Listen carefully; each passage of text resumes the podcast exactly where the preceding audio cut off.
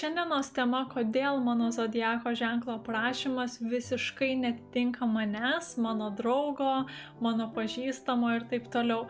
Tai manau, šią temą yra labai svarbu pakalbėti, nes dauguma astrologijos skeptikų būtent gimsta iš šios situacijos, jog jie perskaito savo zodiako ženklo prašymą ir jie galvoja, ne, čia tikrai ne aš.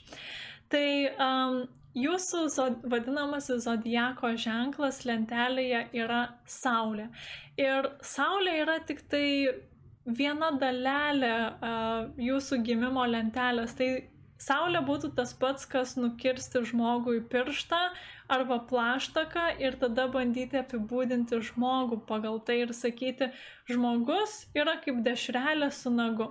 Tarkim, jeigu nukirstumėm pirštą ir tai būtų žmogaus apibūdinimas, nors žmogus turi ir galvą, turi ir plaukus, ir akis, tai nėra tik tai pirštas. Tačiau iš kitos pusės negaliu labai ir peikti Saulės horoskopų, nes jie padėjo astrologijai išpopuliarėti, nes astrologija yra labai individuali.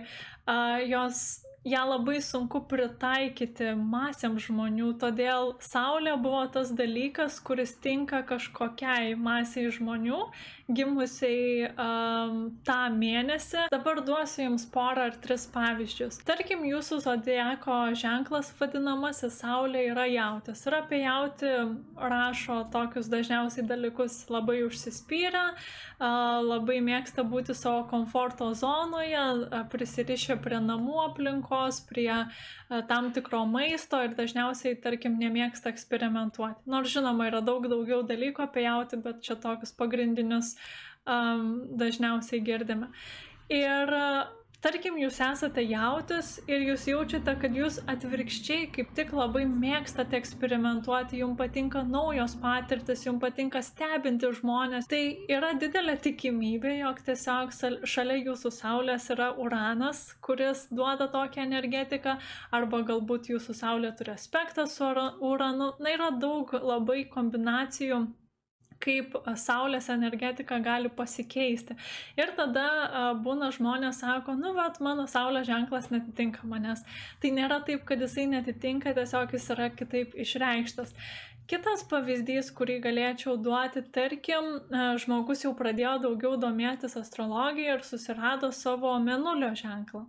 Ir tarkim, menulis yra ožeragija. Na ir apie menulio ožeragiją dažnai yra sakoma, kad praktiškai labai orientuoti e, į karjerą, į tikslus, ambicingi Ir tarkim, tas žmogus jaučiasi, jog visiškai jisai nei kažkokių didelių ambicijų turi gyvenime, jisai kaip tik toksai labiau gal svajoklis, labiau um, kūrybingas žmogus, menininkas ir galvoja, ne, čia nesąmonė, čia ne apie mane.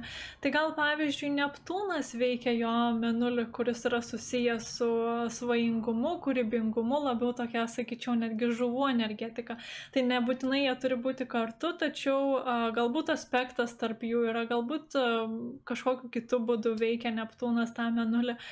Um, ir dar paskutinį pavyzdį noriu pasakyti Taip pat yra toksai kaip stereotipas, kad svarstyklės dažnai yra tokios labai švelnios, labai mielos, diplomatiškos, na tokie gal netgi šiek tiek paviršutiniškos kartais, na tiesiog tokios labai saldžios galbūt asmenybės.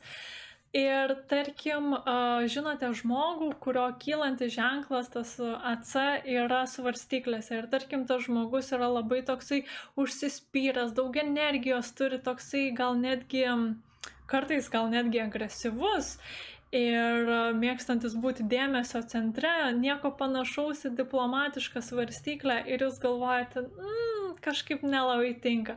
Tai gal pavyzdžiui Marsas yra šalia jūsų kylančio ženklo arba Saulė, kas priduoda tokio avino energetikos arba uh, liūto energetikos, tai tų kombinacijų gali būti labai įvairių.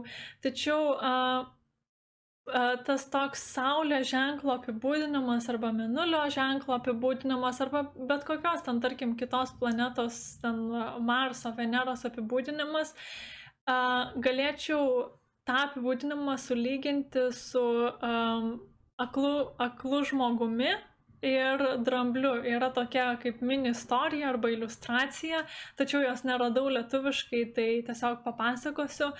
Tai um, susirenka keli vyrai prie dramblio ir jie visi yra, neatsimenu, ar užrištomis akimis arba akli, na bet nesvarbu, jie nemato. Ir vienas uh, paliečia straublį ir sako, dramblys yra kaip gyvatė. Kitas paliečia uh, koją dramblio ir sako, ne, ne, ne, jisai toksai kaip štampas. Uh, kitas liečia šoną dramblio, jo odą, sako, ne, man atrodo jisai kaip podinis ten kilimas ar kažkas tokio. Ir ketvirtas sako, ne, jūs visi meluojate, nes jisai paliečia uodegą dramblio ir sako, jisai kaip, kaip um, um, tiesiog kažkokia puri pelytė ar kažkas tai tokio. Tai vad panašiai yra ir su tiek menulio ženklo apibūdinimu, tiek saulės, kad izoliuojame tą vieną poziciją ir tada žinoma, jog sudėtinga susidaryti bendrą vaizdą apie žmogų. Taip pat, jeigu nesunku, pakomentuokite apačioje, ar jūs jaučiate, jog jūsų saulės menulio ženklas ar ten kylančio kylantis ženklas atitinka jūs ar nelabai ir ar turite tokių pažįstamų draugų, kuriem visiškai netitinka tie ženklai. Tai jeigu turite tokių draugų pažįstamų, kuriem galbūt įdomi astrologija, tačiau jie yra šiek tiek skeptiški dėl to, nes jie jaučia, jog jų ženklas netitinka jų visai.